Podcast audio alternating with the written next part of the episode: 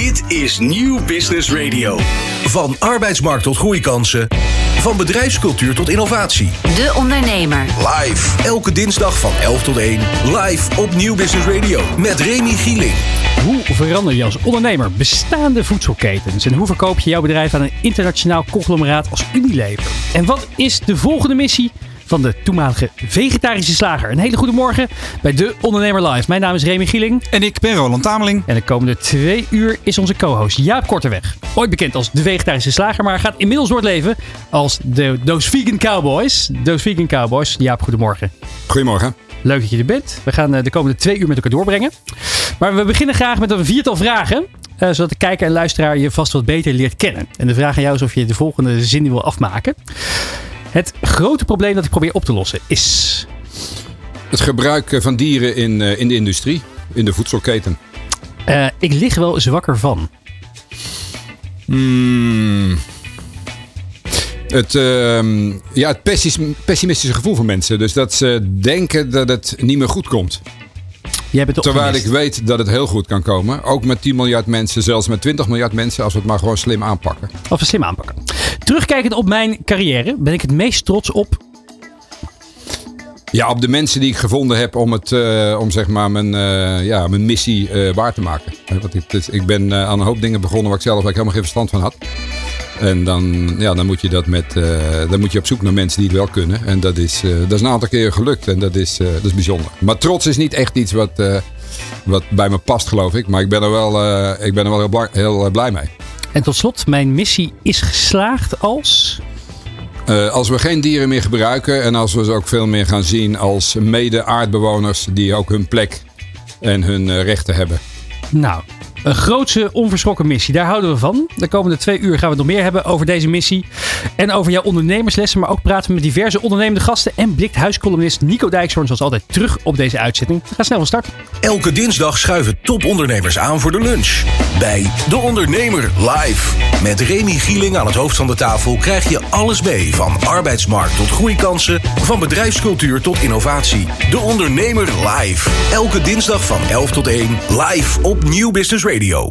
Maar we beginnen met het laatste ondernemersnieuws. Vleesvervanger Beyond Meat gaat dit jaar nog 200 banen schrappen. Het Amerikaanse bedrijf verlaagde voor de tweede maal op rij zijn omzetverwachting. Door de hoge inflatie kiezen meer consumenten voor goedkopere alter- alternatieven. En de ontslagronde van 200 mensen moet een besparing van 39 miljoen dollar opleveren. Het aandeel Beyond Meat noteert momenteel rond de 13 dollar, waar het vorig jaar nog rond de 100 dollar was. Het kabinet reserveert maximaal 3,1 miljard euro om middelgrote en kleine bedrijven die veel energie verbruiken tegemoet te komen. De regeling zal gelden voor bedrijven met maximaal 250 medewerkers, waarvan de energiekosten gelijk zijn aan minimaal 12,5% van de omzet. Echter, het loket voor deze subsidie gaat pas open in april 2023. En tot slot tragisch nieuws bereikte ons gisteren op social media. Patrick Trezeel, oprichter van diverse bedrijven, waaronder Startup Bootcamp, is afgelopen zaterdag overleden. Dat maakte zijn compagnon Ruud Hendricks en andere partners maandag bekend. Startup Bootcamp was een van de eerste pan-Europese startup accelerators. En het hielp duizenden bedrijven aan kapitaal en mentorschap om ze zo te laten groeien. May he rest in power, wordt er geschreven. De Zeeuw werd slechts 54 jaar. De Ondernemer. De Ondernemer live. Op Nieuw Business Radio. Ja, we praten verder met Jaap Korteweg, onze co-host van vandaag van de Vegetarische Slager voorheen. Tegenwoordig Doos Vegan Cowboys. Ja, Jaap, het, eh, het zit niet altijd mee, hè? Het eh, kan zo verkeren. Nee, dat klopt. En zeker als je dat soort eh, nou ja, eh, grote eh, ideeën hebt die, eh, die, die toch behoorlijke innovatie vragen. Ja, dan is natuurlijk de kans op succes is natuurlijk niet zo groot. Hè? Ik bedoel, het is het veiligst om gewoon een beetje mee te doen in de stroom. En dan, nou ja, weet je, dan, dan gaat het al licht. Maar, ehm, nou ja, ik, ik, ik spreek vaak met mensen die, die me benaderen omdat ze ook een of andere missie hebben. Hè. Va- Vaak het gaat, eh, gaat over klimaat of inderdaad diergebruik of zo.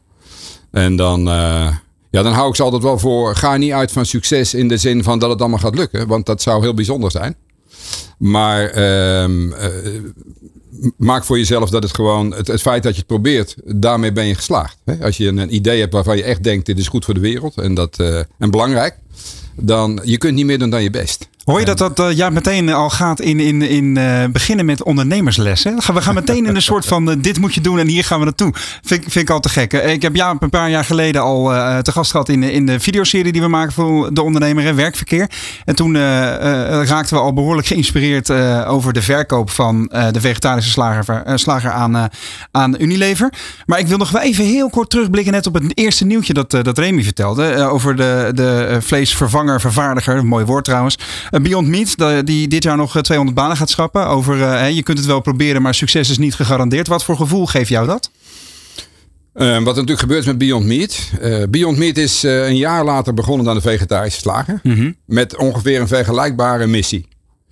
En eh, zij gingen naar de beurs. Wij hebben die plannen toen ook wel gehad. eh, met een waardering van 1 miljard. Maar dat, dat hypte toen enorm in die tijd. Het was eigenlijk een bedrijfje, wat, het stelde nog niks voor. Maar Nee. het heeft op een gegeven moment een, een beurswaarde bereikt van ik geloof 15 miljard. En, en nu is dat weer ja, ingeklapt, zou je kunnen zeggen. Ik denk dat het nu nog 800 miljoen waard is. Wat natuurlijk eigenlijk nog steeds een hoge waardering is. Alleen, het is enorm gehyped. En dan zie je dat het natuurlijk gevaarlijk is. Want eh, m- in zo'n hype wordt er ook geweldig, eh, wordt er ook veel gel- geld verbrand.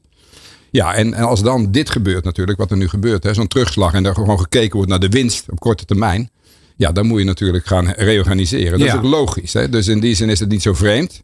Eh, ik bedoel, je kunt eigenlijk nog steeds zeggen dat het bedrijf een hoge waardering heeft. Zelfs terwijl het meer dan gedecimeerd is. Want je zei net 100, miljoen, 100, 100, eh, Dollar? 100 dollar. Maar Ja. het is volgens mij zelfs bijna 200 dollar geweest in de, in de, in de top. Hè? Dus het is, ik denk dat het nog ruim 5% van de waarde heeft van in de top. Ja. En nou heb jij eh, ondertussen je handen een beetje afgetrokken van de vegetarische slager natuurlijk. Omdat het onderdeel is van het grote conglomeraat eh, Unilever. Ja. Eh, eh, hou je nog wel een beetje in de gaten hoe het daar gaat? Of niet? Ja, ja, zeker. zeker. En? Ja. Nou ja, het gaat goed. Dus ehm, we hebben het 3,5 jaar geleden verkocht, ruim. Ja. En eh, de, de verwachting is dat de omzet dit jaar ongeveer het vijfdubbele zal zijn van het moment dat wij het verkochten. Dus dat is natuurlijk een buitengewone prestatie. Wat was de reden geweest dat je destijds hebt besloten om te verkopen? Want er kwamen best wel wat reacties uit de markt. Van, nou joh, je gaat toch niet je bedrijf verkopen Ja. aan zo'n groot conglomeraat. Hij gaat voor het grote geld, Ja. zie je wel. Ja. ja, ja. ja. Nou ja, je kunt eigenlijk wel aan eh, Beyond Meat zien dat dat het niet is. Hè? Want laten we zeggen dat Beyond Meat echt een wa- waardering heeft gehad nou ja, tot 15 miljard. Hè? eh, eh, vrij snel. Nou ja, dat is, eh, laat ik zeggen, de, de, de prijs waar wij, voor, voor- waarvoor wij het verkocht hebben is in ieder geval lager dan dat. ja. Dus nee, maar ik had, eh, ik, ik had de overtuiging dat, ehm, dat het misschien niet eens zozeer het geld. Hè, dat ik, dacht, nou, als we gewoon nog verder gaan en misschien naar de beurs gaan of zo, kan het nog een hogere prijs opbrengen. Maar ik had het idee dat Unilever in staat zou kunnen zijn om de meeste impact te maken. Ehm, en dat hebben ze in ieder geval voortreffelijk gedaan. Ja, Dus, ehm, en, en daar ging het mij om. Want ik bedoel, eh, ook de prijs die zij betaald hebben is meer dan genoeg om, eh, hè, voor mij om van te leven en om nog nieuwe ondernemingen te starten. Eh, maar ik had er veel vertrouwen in dat zij dat echt zouden kunnen doen. jij bent natuurlijk ook echt een ondernemer. Eh, je houdt van Ja. dingen starten. Nou ja, en de- de- de- ik zou, zo zou ik het eigenlijk niet willen noemen. Eh, ik ben misschien ondernemend, Ja. hè, maar ik ben niet per definitie een ondernemer. Nee, maar je bent zeker geen manager. Ik ben zeker geen manager. Dat Nee. is wat ik mee probeer te zeggen. Klopt, dat, dat, ja. dat, dat je, volgens mij zit jouw kracht en motivatie veel meer in het aanjagen van nieuwe ideeën. En Ja. veel minder in het eh, van, van eh, zoals Pieter Thiel het ooit noemde, van, van, van 0 naar 1 brengen. Ja. Maar het van 1 naar 2, dat zit niet echt in jouw DNA. Nee, dat is inderdaad. eh, nee.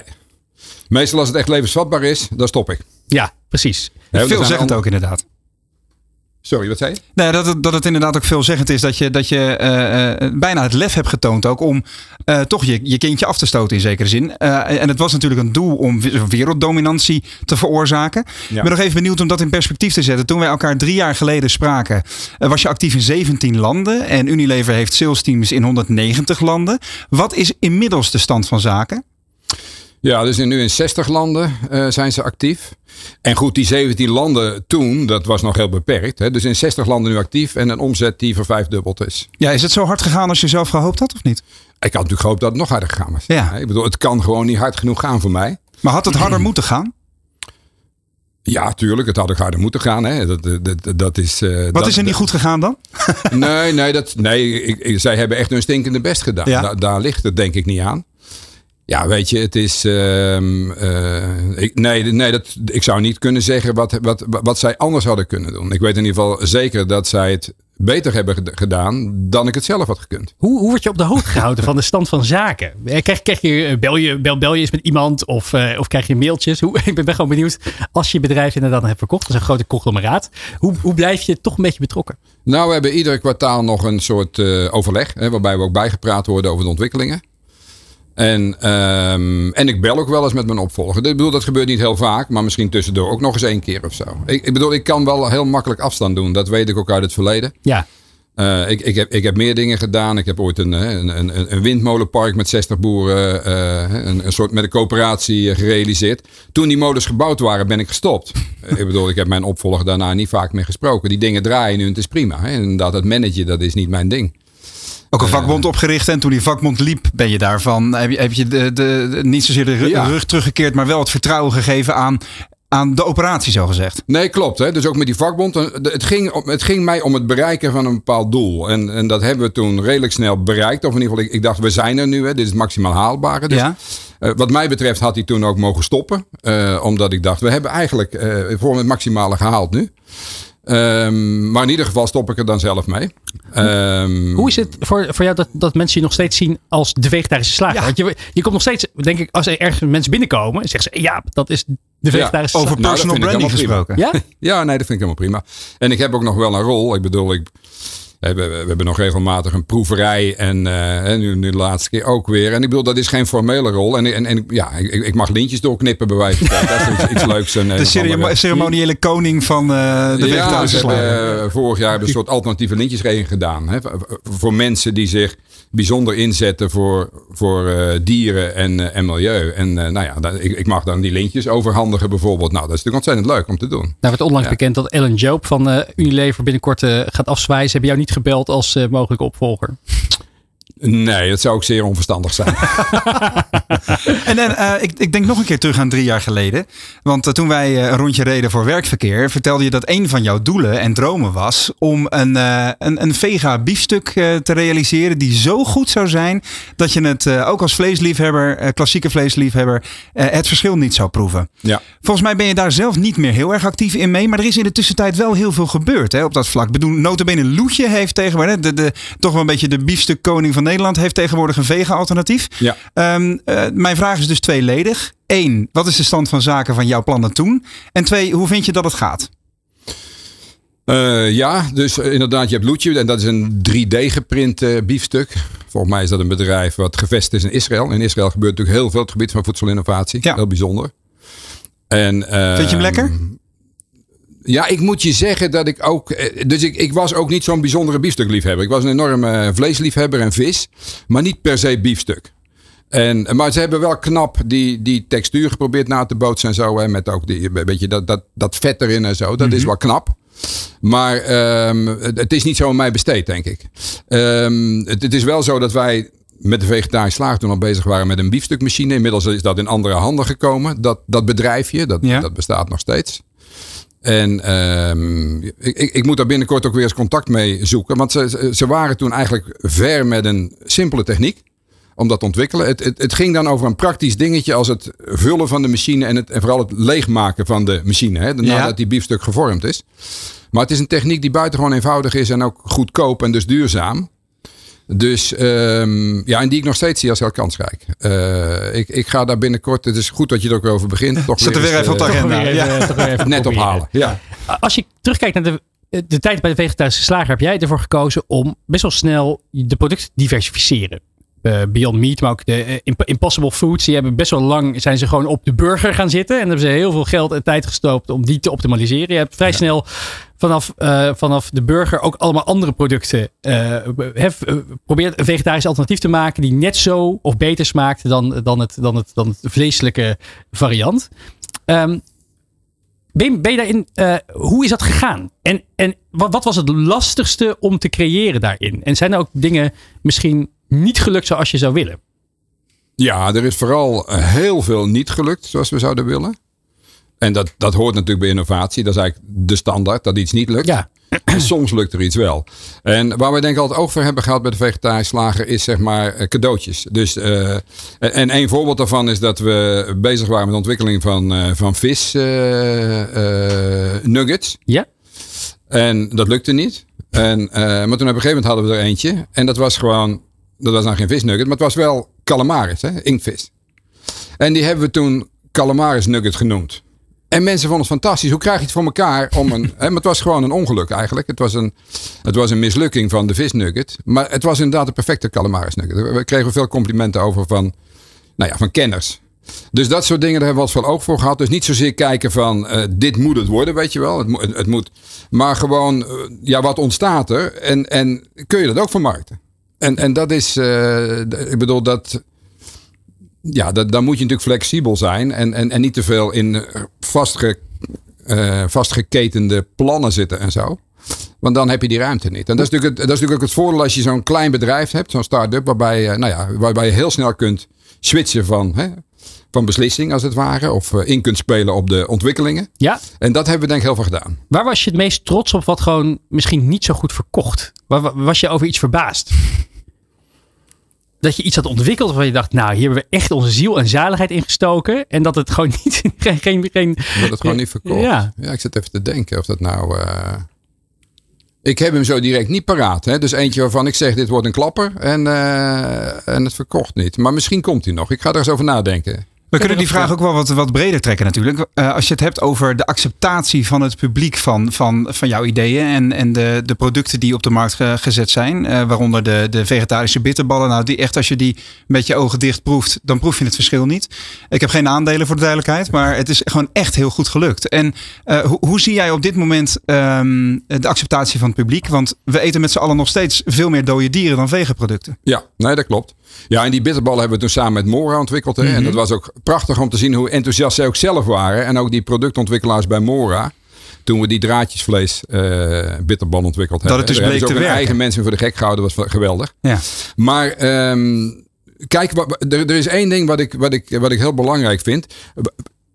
Het zijn natuurlijk nieuwe producten, die vleesvervangers. Hè? En, en, of het, ik, ik praat zelf over het nieuwe vlees, liever. Ja. Het nieuwe vlees van planten en het oude vlees van dieren. Ehm, maar goed, mensen bij iets nieuws zijn ze toch extra kritisch. En denken, is dat wel goed en zo? Hè? Want mensen waar ze natuurlijk mee opgegroeid zijn, dat is, eh, dat is altijd goed. hè? Dat is vertrouwd. Maar iets nieuws, daar wordt heel kritisch naar gekeken. En bijvoorbeeld gezondheid is dan een ding. Hè? Van, is dat allemaal wel goed? Is dat niet te artificieel en zo? Terwijl het een heel simpel proces is wat we, wat we gebruiken. Maar laatst las, las ik bijvoorbeeld weer een verhaal van een, eh, van een journalist over dan dat er te veel zout zou zitten in, in, in, in het nieuwe vlees, in, in, in de plantaardige burgers en zo. En dat is gewoon niet waar. Ik bedoel, als je dat vergelijkt met de dierlijke variant, is het gewoon niet waar. Dus ik heb toen eh, gewoon zes producten vergeleken van, eh, hè, van, van, van retailers, eigen merk, Ja. eh, plantaardig, ten opzichte van de dierlijke variant. Gehaktballen, shawarma, ehm, eh, hamburgers, worsten, noem maar op. Hè, Zo zes. En het was gewoon gelijk. Ik geloof dat in de plantaardige variant zelfs nog een, een tiende minder zat. Hè? Maar in ieder geval laten we zeggen dat het gelijk was. Dus dat is dan een, een misverstand wat zich ook maar blijft verspreiden. Wat mensen elkaar nazeggen. Wat gewoon niet waar is. Is dat bewust voor je gevoel dat, dat er nog steeds een industrie is die, die er niet voor open staat? Kijk, in die begintijd zou het zo kunnen zijn. Maar, maar wat er dan speelt is dat vleesproducten. Ja, daar wordt ook vaak zout aan toegevoegd. Ja. Maar we zitten natuurlijk in een, in een, in een, in een, in een tijd van minder zout, zoutverlaging. Maar goed, je moet natuurlijk wel aansluiten bij het origineel. Hè? Dus het gaat er dan om eh, die, die, die, zeg maar, die dierlijke vari- varianten, nog steeds in de plantaardig. Hij moet natuurlijk wel smaken, want anders kopen mensen het niet. En er zit inderdaad zout in. Maar er zit in de dierlijke variant ook, weet je wel. Ja. Dus dan moet je niet zeggen dat er meer zout in zit. Dat is gewoon niet waar. En een ander punt is, en, dus dat is een ander aspect. Eh, wat komen we nou echt tekort in deze tijd? Dat Ja. zijn vezels. Daar is iedereen het over eens, eh, voedingskundigen. We eten te weinig vezels.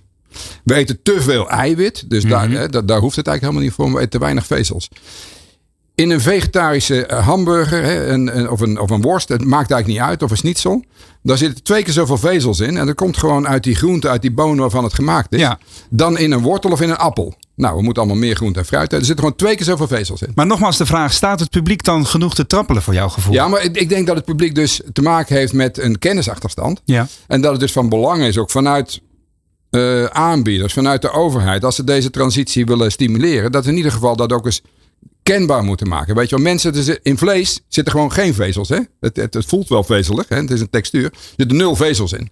generatiedingetje In, die, misschien in, ook wel? die- in dat nieuwe vlees zitten gewoon twee keer zoveel vezels dan in verse groente of fruit. Beschrijf hem mee. Er zit plantaardige olie in. Hè, dat is ook eh, minder verzadigd. Ook, ook gezonder dan natuurlijk het dierlijke vet, dierlijke olie. Hey, en nu de, moet- de nieuwe revolutie, Remy. Heb jij wel eens, eh, ehm, ja, hoe noemen we dat? De nieuwe melk gedronken? Ik heb niet de nieuwe melk gedronken. Nee. Moet je me even helpen. Nou, dat is nu natuurlijk eh, eh, de nieuwe missie van eh, Those Vegan Cowboys. Hè? Want kun je de, de, de- Margaret's Mission is het, hè? De, de, jullie hebben een soort eh, eh, eh, eh, icoon. Daar wilde ik het eigenlijk zo meteen over hebben. Ja? Ja? Ja, wil je die bewaren? Ik wil die bewaren. Oh, voor, voor- voor het cliffhangertje. blok zo meteen. Heel goed. Voor voor Ja. blok zo meteen. Want ik ben, Ja. nog, ben nog even heel benieuwd hiernaar, hiernaar eerlijk gezegd. Dat het grappig is dat je bent de vegetarische slager begonnen. Zonder dat je heel veel verstand had van voedingtechnologie. Of je, je bent een boer van huis uit. Ehm, Nog steeds. nog steeds. Hoe kan je. ehm, eh, ik denk dat heel veel ondernemers met heel met hele innovatieve ideeën rondlopen. En wel eens afvragen van ja, maar ik heb geen verstand van zaken. Dus ik, ik parkeer dit idee maar even. Hoe heb jij hè, qua mindset het voor elkaar gekregen dat je dacht van oké, ik zie een probleem. Ik wil het gaan oplossen. Ik heb er geen verstand van, maar ik ga het toch doen. Ja, dat is toch wel vanuit het verleden, denk ik. Dat, dat eh, sowieso. Dat, ik denk dat je je moet beseffen dat je. Ja, sowieso wat je ook begint. Hè, van, eh, het is natuurlijk allemaal heel beperkt. Het is allemaal zo complex. Ik, ik ben bijvoorbeeld ooit begonnen ook als boer. eh, Toen ik omschakelde naar biologische landbouw. Nu 25 jaar geleden. Ehm, om dat te combineren met high-tech. Dus eh, ik, ik, ik, ben toen begonnen met een trekker uitrusten met GPS, RTK-techniek. Waarmee je op de centimeter nauwkeurig kunt sturen. En dan praat ik over eind jaren 90. Ehm, en dat kostte anderhalve ton om dat op zo'n trekker te bouwen. Ja, Eh, en, en alle deskundigen zeiden is kansloos. Weet je wel? Dat is eh, veel te duur. En eh, zeker in Nederland zo'n klein landje en zo. hè, Zo'n dure techniek. Maar wat in Maar jouw toen ben ik ermee ja. begonnen. En met een, met een start-up. gelieerd aan een Duitse universiteit. Want het bestond helemaal nog niet in de wereld. En toen dat ding ging rijden, die trekker. Dat was gewoon spectaculair. Die start-up ging, dat? trouwens, die st- start-up ging trouwens na een maand failliet. dus ik had dat ding gekocht Ja. en ze waren failliet, weet je wel. Maar toen heb ik vanuit Wageningen ondersteuning gekregen van mensen. wat, wat, deed, wat deed het ding? Dat ding dat er reeds zo nauwkeurig en zo precies. Zodat je in biologische landbouw, waarbij je natuurlijk geen kunstmest en bestrijdingsmiddelen gebruikt. Mhm. dus, dus, dus heel nauwkeurig kunt werken. Waardoor je minder, nou ja, je bemesting, je, het beschadigen van je bodem. Je rijdt al op dezelfde plek, zodat die planten in onbereden grond kunnen groeien. Ja. talloze voor- voordelen. En de grap is, nu twintig jaar later, wordt het niet alleen door alle biologische boeren gebruikt, maar ook door alle gangbare boeren. Maar En, iedereen en, en dus, ik bedoel, had ik, ik had natuurlijk geen, geen, geen verstand van die GPS-techniek op zich, maar wel van eh, wat het zou kunnen brengen, hè, wat Ja. het kunnen doen. Dus het, het, dus het, het, het simpele idee. En het leuke is dat. ehm, ja, ja, oh ja, die melk komt later, hè? maar daar, daar heb ik dan ook nog wel zo'n. Ik maar ben een laatste achter- vraagje van dit blokje nog, ja? Want Ja. ik ben toch benieuwd. J- jij zag die technologie. Iedereen zei, ja joh, dat wordt niks. Al dat gedoe met die computers. En jij ziet toch in, ehm, dit gaat het wel worden. Wat is dan dat element waardoor jij denkt, ik zet toch door? Ja, ik denk die lui hebben er gewoon geen verstand van, weet je wel. Nee, Is maar het eigen wijsheid? Ja, Nee, nee, maar zo- absoluut. ja. Het Ja? is ook wel de reden dat ik op school natuurlijk, dat was natuurlijk een drama. Ik, ik werd overal eh, weggestuurd en zo. En eh, dat is, daar heb ik niks van gebakken. Meer dan genoeg te bespreken voor de rest van het uur, eh, Remy, zeg ik zo. Elke dinsdag schuiven topondernemers aan voor de lunch. Bij De Ondernemer live. Met Remy Gieling aan het hoofd van de tafel krijg je alles mee. Van arbeidsmarkt tot groeikansen, van bedrijfscultuur tot innovatie. De Ondernemer live. Elke dinsdag van 11 tot 1 live op Nieuw Business Radio. Bijna de helft van de starters in de zorg haakt binnen twee jaar al af. De werkdruk is te hoog en de begeleiding is er amper. Startup Bron wil daar verandering in brengen. En aan de lijn is oprichter Luc Rox. Luc, goedemorgen. Goedemorgen. Even de elevator pitch. Eh, ja, wat doet Bron en welk probleem probeer je op te lossen? Nou, precies het probleem wat je eigenlijk net schetst. Ehm, Zo'n 43% van alle starters in de zorg valt uit binnen twee jaar. En wij gaan eigenlijk eh, kijken of we er iets aan kunnen doen. We zijn de afgelopen jaren eigenlijk helemaal gedoken in hoe het nou komt dat die mensen uitvallen en waar dat precies eh, ligt. En we zijn er heel goed achter gekomen dat, ehm, dat het niet realistisch is om die problemen op de werkvloer op te lossen. Daar is de werkdruk, zoals je net ook zegt, eigenlijk al veel te hoog. We zien daar juist een rol voor onszelf als uitzendbureau om die, eh, die problematiek eigenlijk te verzachten onder ons eigen dak. En dat zit hem dan voornamelijk eigenlijk met het eh, personeel leren omgaan met de emotionele zwaarte van het werk. Nu eigenlijk door, ehm, door de werkdruk en het feit dat er al een personeelstekort is, voelt het soms eigenlijk een beetje alsof het een soort van gokje wordt van kan iemand omgaan met deze zwaarte, dan is het heel mooi. En is iemand uit het juiste hout gesneden. En als iemand daar niet mee kan omgaan, dan valt zo iemand gewoon uit. Wat is eh, jouw eigen is, eh, motivatie? Wat is de reden dat jij deze missie hebt en wil gaan doen? Ehm, nou, we zijn, dit, we zijn dit probleem zo'n twee jaar geleden tegengekomen. Dat, ehm, dat aantal wat we ook noemen, dat percentage, die 43%, dat komt eigenlijk uit een onderzoek dat ehm, is uitgevoerd in opdracht van het ministerie van Volksgezondheid. En toen, eh, toen schrokken wij heel erg. En toen we eigenlijk dat onderzoek aan het lezen waren, zagen we eigenlijk een link met een, ehm, met een bedrijf dat wij al eens eerder hebben opgezet. Ehm, en die overeenkomst zit hem voornamelijk in het feit dat ehm, wij met ons huidige andere bedrijf eh, studenten in het creatieve werkveld beter beslagen ten ijs wilden laten komen op de arbeidsmarkt. Omdat werd aangegeven dat die aansluiting niet goed werkt. Eh, met, met, met verschillende gevolgen van dien. En dat zijn andere gevolgen als in de zorgindustrie. Maar daar zagen we een link. Je bent een soort van bruggenbouwer eigenlijk, merk ik. Tussen, eh, tussen enerzijds de nieuwe generatie en anderzijds de, de, de, bestaande, de bestaande markt. Klopt. Klopt. Hoe, ehm, ja, als je dan kijkt naar die Gen Z-generatie, wat, wat, wat, wat willen die? En waarom, zou, waarom kiezen ze voor de zorg en waarom stappen ze dan toch zo snel uit? Nou, kijk, de, de, de reden waarom wij eh, ons op Gen Z zijn gaan richten is. ehm, het is niet zo dat wij iets voor Gen Z wilden maken. We zijn gewoon simpelweg gaan kijken van wat wil- willen we? We willen het uitvalprobleem in de zorg aanpakken. En als je kijkt naar wie er nu start in de zorg en in welke generatie zij zich bevinden, dan, dan is dat logischerwijs Gen Z. Dus vanuit daar zijn we gewoon gaan kijken van wat heeft deze generatie dan nodig? Ehm, wij zijn zelf millennials. Dus we zijn ten eerste eens goed gaan kijken van waar verschillen wij dan? En, en waarom wij denken dat het werken in de zorg ontzettend goed past eigenlijk bij die nieuwe generatie, bij die Gen Z. Is omdat het relatief een veel maatschappelijk geëngageerdere ehm, generatie is. Ja, Ze willen graag iets goed doen voor de wereld. Ze zijn heel erg betrokken. En wij denken dat naast dat we mensen aan, ehm, aan fijn werk willen helpen en iets aan het werkklimaat willen doen, dat we ook het werken in de zorg onder deze generatie ehm, ja, kunnen positioneren als een hele mooie output voor die, voor die engagement.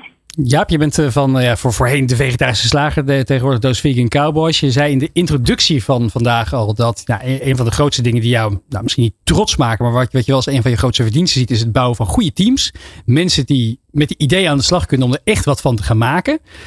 Wat, hoe zie jij dat? Die nieuwe generatie. Wat, wat willen ze? En hoe kunnen we zorgen dat zij eh, het beste uit zichzelf kunnen halen? En niet zoals inderdaad nu kennelijk in de zorg het geval is dat ze gaan beginnen en vervolgens binnen twee jaar uitstromen. Omdat ze dan niet met, een, eh, met burgerklachten weggaan of dat ze zich niet genoeg gehoord of begeleid voelen. Wat, zijn- wat zijn jouw ideeën hierover? Ja, ik vind dat een hele lastige. Ehm, ja, je hoort natuurlijk dat toch de, de druk op deze generatie is hoog. Hè, om allerlei redenen.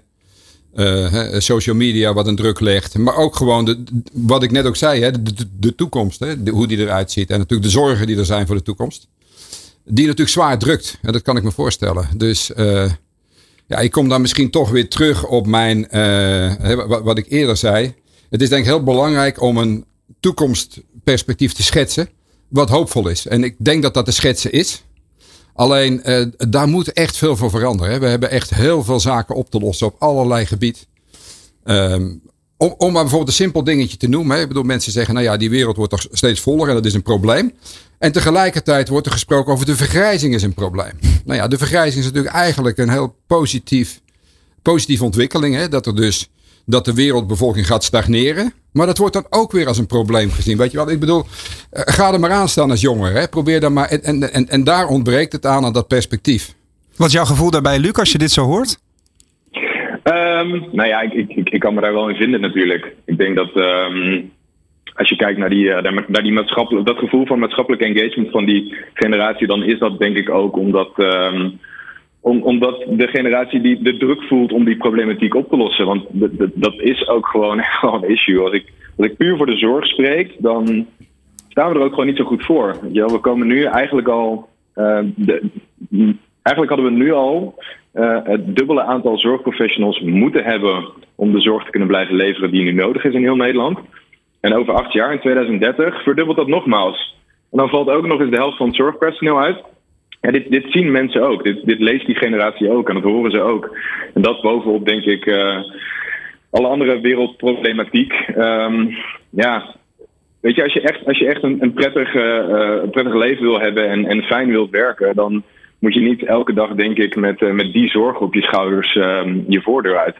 Hoe, uh, dus dat... er, wordt, er wordt natuurlijk vaak gesproken over, uh, over allerlei redenen waarom die, die, die korten in de zorg zo groot zijn. Dat zie je ook inderdaad in, bij de politie, maar ook in het onderwijs. Als je kijkt naar die zorgsector. Uh, je, je, uit jullie onderzoek blijkt ook wel de werkdruk is te hoog en de begeleiding is er te weinig.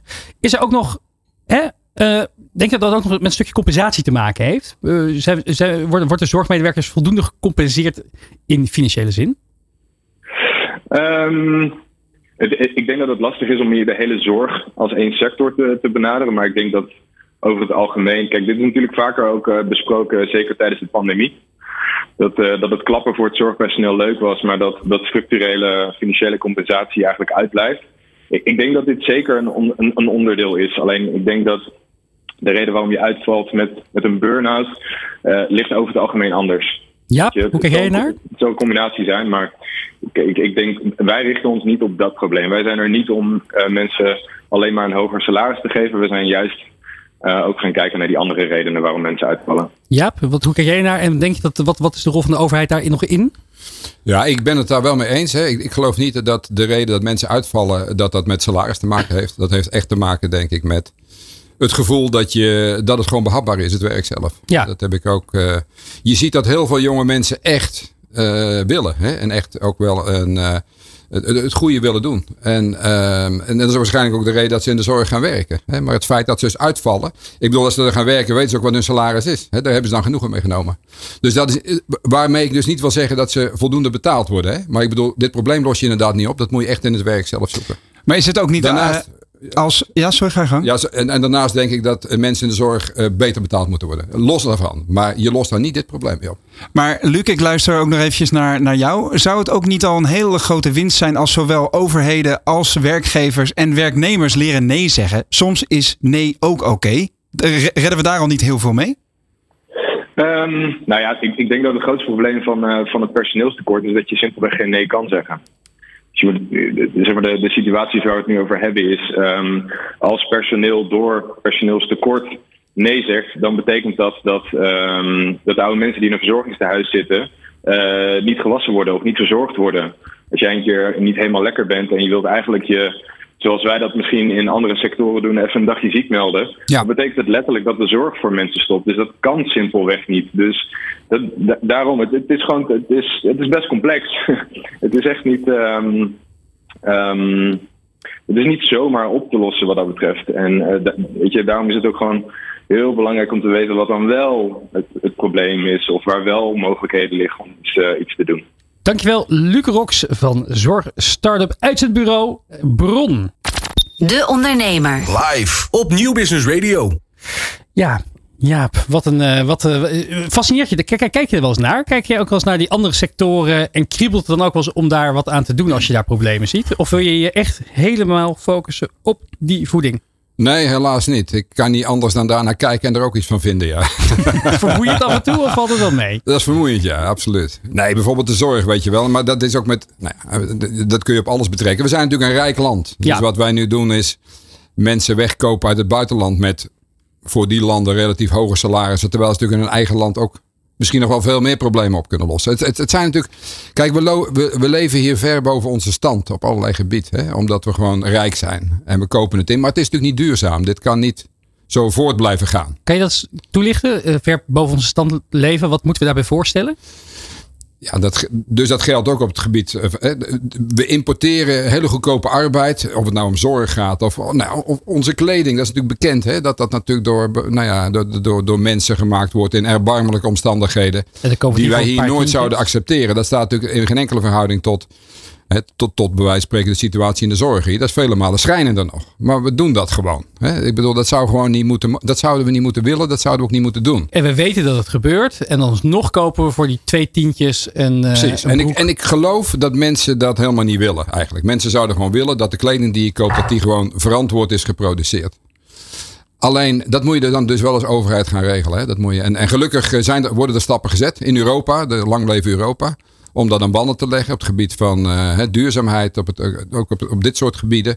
En dat is ook heel goed om dat te doen. Uiteindelijk moeten we het natuurlijk wel zelf op gaan lossen hier. Hè? Ik bedoel, we moeten, we moeten zorgen dat we het intern toch voor elkaar krijgen. En, en niet blijven leunen op nou ja, de rest van de wereld waar arbeid veel goedkoper is, waar, waar minder uh, zorgvuldig omgesprongen wordt met, met, met, met hulpbronnen, met energie, noem allemaal maar op. Daar moeten we echt mee stoppen. Ja, maar tegelijkertijd, we weten allemaal, we doen het toch. Het komt ook omdat het inderdaad zo ver van ons bed afstaat. Ja. We zien die fabrieken niet waar die kleding worden gemaakt. Het, uh, het, het verschijnt gewoon als een, als een pakketje op onze deurpost. Ja. Vind je het belang, denk je dat het belangrijk is dat we meer dicht bij huis gaan produceren? Ook, is dat ook een gevolg daarvan? Omdat het dan, ja, omdat dat dan moeten we sowieso. behapbaarder is. Laat ik het zo zeggen, op het moment dat wij ver weg gaan produceren, omdat het dan onder schrijnende beroerde omstandigheden met, met salarissen, dan moeten we het niet doen. Kijk, ik denk dat het alleen duurzaamheid moet een rol spelen. Hè? Dus duurzaamheid, kijk, als het ergens anders gewoon veel efficiënter kan, maar echt efficiënter, omdat, omdat daar de zon bijvoorbeeld meer schijnt of zo, omdat je een ander klimaat hebt, is dat prima. Maar op het moment dat dat eh, buiten ons zicht is en onder erbarmelijke omstandigheden gebeurt, dan moeten we het natuurlijk niet doen. Dat Hoe pak, je dat, hoe pak je dat zelf aan dan met, uh, met de productie bijvoorbeeld van, van uh, het nieuw soort vlees wat je, wat je, waar je je eerder op hebt gericht? Want hoe hebben jullie dat toen um, beschermd? Nou ja, wat, wij, uh, wat wij, waar wij voor gekozen hebben is dat we in ieder geval die fabriek gewoon in Breda hebben gebouwd. Ja. Waren er en, andere opties? Ja, zeker. Natuurlijk. Er werd natuurlijk heel veel ook geïnvesteerd in fabrieken in het Oostblok bijvoorbeeld. Mhm. In Oost-Europa met heel andere nou ja, omstandigheden. Um, dat is een bewuste keus geweest. En um, uh, omdat ik denk, we moeten hier. Kijk, je, je, wordt er als het ware ook lui van om het maar uit te besteden naar lage lonenlanden. Er is natuurlijk heel veel uh, mogelijk op het gebied van techniek van, van robotisering. Ja. Waarmee we, uh, denk ik, hier ook uh, heel goed uh, allerlei zaken die we nu nog uitbesteden. Hè, uh, de complexe zaken die we nu nog uitbesteden naar lage lonenlanden. Hier, hier, weer intern zouden kunnen doen. Als het enige argument is lage lonen, vind ik dat een slecht argument. Ja, ja. over complexe dingen gesproken, Remy. Mogen we het nu over Margaret hebben? Zeker. Alsjeblieft. Want, want in 2018 heb je inderdaad de vegetarische slager verkocht aan Unilever. Tegenwoordig ga je door het leven als uh, doos vegan cowboy. Samen met jouw ook toenmalige compagnon Nico uh, Kofferman. Ben je een nieuw avontuur aangegaan. vertel, wanneer, wanneer begon het te kriebelen? Wanneer, wanneer, hoe lang had het geduurd na tekenen voordat je dacht... Oké, we gaan opnieuw naar de KVK. We hebben een nieuw bedrijf, een nieuwe missie. En we gaan Doos Vegan Cowboys wereld groot maken. Nou ja, het kriebelde al heel lang.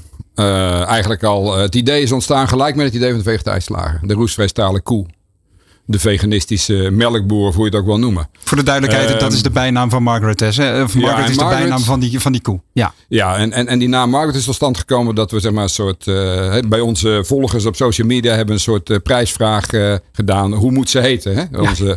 En Bertha was niet internationaal genoeg, gok ik. Nou ja, uiteindelijk eh, kwam het uit op Margaret. En, en, Ja. en wij vonden het mooi omdat Margaret, eh, naar Margaret Thatcher, Ja. eh, de Iron Lady. Iron Lady, ja. En eh, zij zei toen, om de, de economie te hervormen in Engeland, there is no alternative. En onze Margaret is die alternative. Hè? Dus voor de, voor de koe, die het eh, veel eh, duurzamer en efficiënter kan en zonder daarvoor dieren te gebruiken. Hoe, hoe, werkt, hoe werkt het? Wat, wat, wat heb je ontwikkeld? Of wat ben je aan het ontwikkelen? Ehm, nou ja, wat we, we, we, we werken op meerdere sporen. Maar wat we met Margaret doen, is dat we de caseïne, dus het melkeiwit, eh, in de koeienmelk of geitenmelk. Het komt eigenlijk in alle zoogdierenmelk voor, ook in mensenmelk. Eh, waarvan de kaas gemaakt wordt. eh, die maken we met micro-organismen. Dus dat kunnen bacteriën, gisten, schimmels zijn. En eh, ik heb me verlaten op mensen die er wel verstand van hebben. Hè, wetenschappers uit, uit Wageningen, jong en oud. een heel clubje. En die waren unaniem van mening dat als dat zou lukken, dat het dan een factor 5 efficiënter zou kunnen. Of, oftewel duurzamer. Hè? Dus vijf keer minder input of vijf keer meer output. Hè? Met dezelfde landgebruik, watergebruik, energiegebruik. En ehm, nou ja, we zijn toen gestart in een laboratorium in Gent eh, met, met een groep wetenschappers die eh, een medicijn hadden ontwikkeld wat een humaan eiwit is. Maar met micro-organismen. Voorheen werd dat ook door diergebruik werd dat geproduceerd. Dus door konijnen te melken. Dat medicijn werd uit konijnenmelk gehaald. Je, je, je, hebt, je hebt geen idee. Hè? Er gaan heel veel wenkbrauwen omhoog in de studio nu, eh, zie ik hier. eh. En zij hebben toen eh, gezegd dat gaan we doen zonder konijnen te melken. En, eh, en daar- zijn ze geslaagd. Ze hebben tien jaar aan gewerkt. En toen waren ze klaar. Dus dat lab was eigenlijk werkloos. Eh, en toen kwamen wij tot spoor. En dat is natuurlijk een hele relevante kennis die ze hadden. Om, om dus een eh, humaan, een zoogdieren eiwit te maken zonder zoogdieren. Maar je zet dus geen koeien meer op de weilanden. Eh, het gas wordt naar binnen gehaald en dan in een machine gestopt. Zo, zo simpel is het even. Ja, dat Terwijl is het niet simpel is. dat- nou ja, nee, dat is totaal niet simpel. Het is buitengewoon complex. Ja. Maar het, het, het, het lukt dus al wel. We kunnen al dat caseïne maken met die micro-organismen. Alleen nog absoluut niet op een schaal die eh, commercieel interessant is. En, en, en daar wordt aan gewerkt, dus om die micro-organismen aan te passen en te veredelen, of hoe moet je het noemen. Zodat ze dat efficiënter kunnen. Eigenlijk wat er ook met de koe gebeurd is. Hè. Kijk, de huidige melkkoe, die geeft tien keer zoveel melk dan, dan, een, uh, dan een koe in, in, in de natuur. Dan een Ja. wilde koe. Ja. Ja. wilde koe of een echte koe. Hè. Een oorspronkelijke koe. Oorspronkelijk, Ja. ja. dat is het woord, ja. Dus, eh, en daar zijn natuurlijk eh, eeuwen overheen gegaan. Eh, wij gaan er natuurlijk geen eeuwen over doen. Wij gaan het proberen veel sneller te doen. Eh, en dat is het doel. En dat, eh, hebben, dus we kunnen nu wel kaarsjes maken zo groot als een dobbelsteen. Hè, dat lukt nu al. En dat is het. En dat proberen we. Maar we hebben er zeven jaar voor uitgetrokken. We zijn nu bijna drie jaar bezig. Dus we hebben ook nog even tijd. Kun je meene- ons meenemen naar het Eureka-moment dat je je eerste blokje kaas in je handen had? Mm, we hebben het nog niet geproefd. Want Hè? dat, eh, nee, we hebben het nog niet geproefd. Nee, Oh. dus we, dat- we zitten nu in die, in die. Dat gaat eh, het komende jaar gebeuren waarschijnlijk. Waarom heb je het nog niet geproefd dan? Omdat het nog eh, zo klein is. En, en ook, dat ze ook zeggen. Ja, je zit ook nog met, eh, met veiligheid en zo. Hè, Oké. Dus eh, dat, daar heb je ook mee te maken. Ehm, dit moet ook nog. Hè, als dit lukt, dan moet dat ook nog door allerlei Ja, ja, veiligheidsprotocollen en, Ja. en, en, en wetgeving heen in Europa. In de introductie van het programma zei je eigenlijk dat je er altijd van uitgaat dat iets mislukt. Is dat in dit geval ook zo? Ja, ja, dus toen ik de vegetarische slager begon, gaf ik mezelf 10% kans van slagen.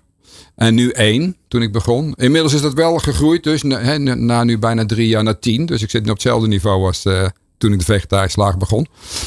Ehm, en ik vind het zelf prettig, omdat ik, eh, ik heb ook best wel contact met mensen die ook eh, goede dingen willen doen. Hè? Ondernemers.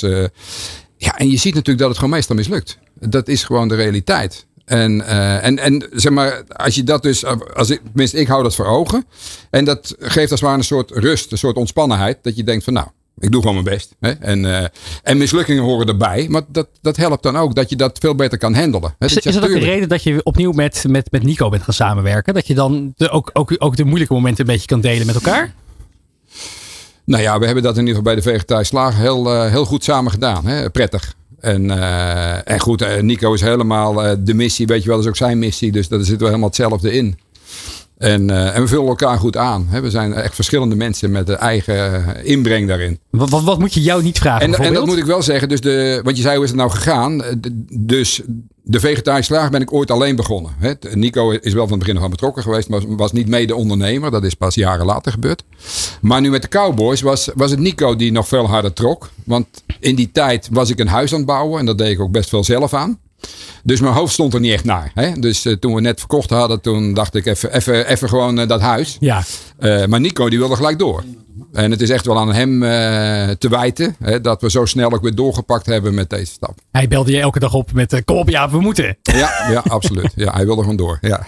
Wat, wat, wat, is, ja, wat is iets wat jij, ja, wat verschilt jullie daarin? Wat is iets wat je echt niet aan jou moet vragen? Eh, ja, kijk, hij is natuurlijk de man die eh, bij de vegetarische slager bijvoorbeeld eh, Twitter deed. Hè? En, en natuurlijk dat hele, hij, is natuurlijk een, hij komt uit de, uit de reclamewereld. Ja, marketingman, communicatiewereld. Die, die, Dus die, nou heb ik daar ook wel ideeën over, maar dat is op- toch van een heel andere aard. ik, ik kan me nog herinneren voor mij die vegetarische slagerwinkel in Den Haag. Die ook Ja. geopend. Nou, dat heeft natuurlijk ook heel veel impact gehad in, in, in, Ja. in promotie wereldwijd. Ga je dat ook weer doen? Dat soort ja, vernuftige, innovatieve... Ja, dat zou kunnen. Dus dat, dat denken we ook wel aan om eh, op enig moment, als we echt daar de geschikte producten voor hebben, om dan ook weer zo'n ambachtelijk winkeltje te starten ergens. Eh, en dat dan ook weer op die manier, want dat werkt gewoon goed. Hè? Dus gewoon, je hebt direct eh, contact met je klanten. Je kunt daar de nieuwe, nieuwste innovaties op kleine schaal laten proeven. Dus dat is mooi. Nee, dat, dat is zeker iets wat we in gedachten hebben om dat weer zo te doen. Ja. Dit is De Ondernemer live op Nieuw Business Radio. In een eh, land met veel kenniswerkers begint een gezonde en vitale werkomgeving bij een goede bureaustoel. Die zijn er natuurlijk in duizenden vormen en maten. Maar hoe, hoe bepaal je nou welke voor jouw medewerker of voor jezelf het meest geschikt is? In de studio is eh, Dirk-Jan Heidra. En eh, Dirk-Jan, jij weet alles over de perfecte bureaustoel. Welkom in de studio. En ik kijk Dankjewel. meteen even naar mijn eh, ge- gewaardeerde vriend en collega Remy Gieling. 1,83 meter lang. Ja. Ik ben zelf eh 2 meter 4 lang. Ja. Hoe lang ben jij, Jaap? Eh 1,85. 1,85. Bestaat er zoiets als de perfecte bureaustoel voor drie mannen die toch behoorlijk verschillend zijn? Nou, het is natuurlijk wel mogelijk om één type bureaustoel eh, eh, te kiezen. Ja. Maar dan zal het betekenen dat met name voor jou, gezien je 2 meter 4, toch wel iets anders, eh, eh, andere gasfeer of een andere zitting eh, wordt geplaatst. Het ligt weer aan mij. Ja, en, en- ja, je hebt eigenlijk wel een beetje een soort eh, standaard iets waar heel veel mensen op, eh, eh, ja, op kunnen zitten. Ja, Eh, maar er zijn ook wel eh, ja, uitzonderingen daarin. En daar moeten we ook wel een hele mooie oplossing voor, eh, voor aandragen natuurlijk. snap ik. Ja. Jij hebt meer dan 30 jaar ervaring zo'n beetje in de, in de bureaustoelenbranche, heb ik me laten vertellen. Ehm, eh, de, de laatste tijd is natuurlijk heel erg van belang dat er veel mensen thuis zitten. Ja. Wat zijn nou de meest belangrijke trends en veranderingen in, in jouw markt, zo gezegd? Nou ja, we hebben een hele groeispurt eh, kunnen meemaken doordat nou ja, er gewoon heel veel behoefte was aan thuiswerkplekken. Ja. En eh, ja, wij zijn groothandel. Dat betekent dus dat wij eh, eh, gewoon open zijn gebleven, ook tijdens de corona. En ja, het was gewoon druk bij ons in de showroom en, Ja. en ook online om, ja, om de spullen uit te leveren. Dus het heeft ons wel heel veel gebracht. En waar zijn werknemers en werkgevers nou het meest naar op zoek? Ehm, nou ja, gewoon een, een, een stoel die eh, eh, ja, in een thuiswerkplek eh, past, zeg maar. Die Ja. toch gewoon wel steun geeft. Er is gewoon een hele duidelijke trend natuurlijk in, in digitalisering. Ja. En ehm, ja, dan is het gewoon toch wel belangrijk dat, die, eh, dat die werkplek ten dienste staat van die, eh, van die medewerker. Maar ik hoor je gewoon zeggen. Ja? Volgens mij is het best een uitdaging om te zorgen dat je goed zit. Hè? Als ik naar mijn eigen situatie thuis kijk. Ja. Ik had in het begin mijn bureaustoel van boven beneden staan. Ook omdat ik het prettig vind om bij mijn honden in de buurt te zijn en zo. Maar nu zit ik gewoon op een keukentafelstoel Ja. eh, te werken. Eigenlijk super slecht natuurlijk. Hoe zorg ik dan dat ik de juiste situatie wel schets? Thuis? Of op het werk? Ja, eh, kijk, nou ja, als je zegt van nou ik wil graag een, een bureaustoel eh, toch in zo'n thuissituatie hebben. Ja. Of in zo'n eh, in, in een woonkamer. Ja, dan zal je iets anders moeten kiezen. Eh, als, als die keuken, keukenstoel, die is vaak te laag, zeg maar. Ja. Eh, met alle gevolgen van dien eh, dat ook iemand, eh, nou ja, je bent zelf ook actief gebruiker van een laptop. Ehm, je ziet gewoon dat mensen een hele rare houding gaan aannemen als er iets niet klopt in hun werkplek. Ik ga meteen rechterop zitten. Zie je? Ja, dus, dus het gebogen, Ja. het eigenlijk het op een niet natuurlijke manier zitten. En dan gaan ze dus hun eigen lichaam aanpassen aan iets wat in die werkplek dan niet past. Dus als dat ik kan het in de keuken zijn. Ja. Als ik het goed hoor, is het dus een, een goede bureaustoel een belangrijke en misschien wel onverwachte vorm van preventie. Ja. Ziekteverzuim, dat soort Ja. zaken. Ja. Ja. Het is juist ook dat mensen misschien ook wel een hele periode gedacht hebben van nou, dat zal nog wel even duren. Ja. Werkgevers die dachten eigenlijk ook van nou, dat zal nog wel even, dat, dat, dat, eh, er zit wel een eind aan, zeg maar. We hoeven niet meteen te handelen. Nee, eh, dus dat, dat heeft ook eventjes geduurd. Eh, maar nou, nu zie je toch wel heel duidelijk een, een hele duidelijke trend ook in dat hybride werken. Ja. En ehm, ja, dan, dan moet men toch echt wel kiezen voor een goede oplossing. En dat kan ook een stukje maatwerk zijn eh, in een standaard oplossing. Wat voor maatwerk, maatwerk is er dan? Eh, nou ja, dat je dus eigenlijk rekening houdt met eh, wat voor werkzaamheden iemand doet. Als Ja. iemand zegt van ik wil heel veel typewerkzaamheden. Of iemand heeft een bepaald postuur, zeg maar. ehm, dat je daar gewoon rekening mee houdt. ehm, wat je daarvoor aanbiedt voor, voor echt als oplossing. En niet dat we even bezig zijn om even een bureaustoel eh, ehm, ehm, Te verkopen. Te Ja. verkopen, zeg maar. Ja, bureaustoelen heb je in hele vele soorten en maten. Van ook heel goedkoop tot heel erg duur. Ja. Ik hou zelf een beetje van goed, eh, mooi eh, design. Wat is nou een beetje de, de, de, de, de, de, boek- de, de Ferrari of de... De Bugatti of de, de wilde je zeggen? Ja, ja, Onder, ja. de, onder de bureaustoelen. Waar Gaat moet je het dan aan denken? Ja, Ja, en, en dat bedoel je eigenlijk van iets van, van een merk of hoe die eruit ziet? Zeg ja maar? heel graag. Neem ons mee. Ja, ja, nou ja, kijk, Omschrijf het vooral ook voor de luisteraars. Wat, ziet, wat zien wij hier? hoe ziet de Nou optimale dat- bureaustoel eruit? Dat, dat kan zijn dat iemand zegt van ja, goh, ik, ik, ik zoek iets in een bepaalde kleur. Ik zoek iets in, in, in iets wat, eh, als ik in een thuissituatie kijk, van ja, dat moet eigenlijk niet als een bureaustoel eh, eruit zien, maar moet wel echt die steun geven. Eh, en maar het kan ook zijn dat je zegt van ja, ik vind het toch een ontzettend mooi om eens een keer echt mij eh, een, een goed cadeau te doen, zeg maar. Mhm. En ik, en ik kies voor een, eh, een lederen, comfortabele eh, bureaustoel. En waar moeten we aan denken qua prijzen? Qua prijzen, ja, dat, is, ja dat, dat kan zijn van eh, prijzen vanaf 250 euro. tot Ja, dat kan, dat, dat, dat, 2500 kan natuurlijk niet. We moeten wel een mooie, echt, eh, echt iets ermee aankomen. Waarvan, Jij wil gewoon de- bij je vrienden met jouw bureaustoel. Precies, als je in die Zoom-vergadering zit, dat mensen dan toch een beetje jaloers kijken naar die prachtige Ja, leuning die erachter te zien is. Maar dus dan moet, het toch juist, denken? dan moet het toch juist een beetje Spartaans zijn, toch? Als je een beetje Oh, dat, ja? dat sportgevoel wil hebben, dan moet het toch gewoon een keihard zitten en zo. En een beetje schokkerig zijn, toch? Of niet? Ehm, ja, dat zou, dat zou kunnen, zeg maar. Kijk, je hebt mensen natuurlijk die zeggen van nou, ik wil eigenlijk een stoel hebben dat ik helemaal comfortabel, helemaal ingebouwd zit. Ja. En ehm, ja, ehm, ehm, ja, eh, eh, dat ik eigenlijk gewoon echt op comfort zit. Ja, maar waar er zijn waar- juist ook mensen die zeggen van ja, goh, ik ben eigenlijk best wel sportief. Ik, ja, ik, eh, ik wil eigenlijk toch wat meer richting dynamisch zitten. Mhm. En dat dynamisch zitten, dat is ook heel mooi te combineren met, met een zit-sta-werkplek.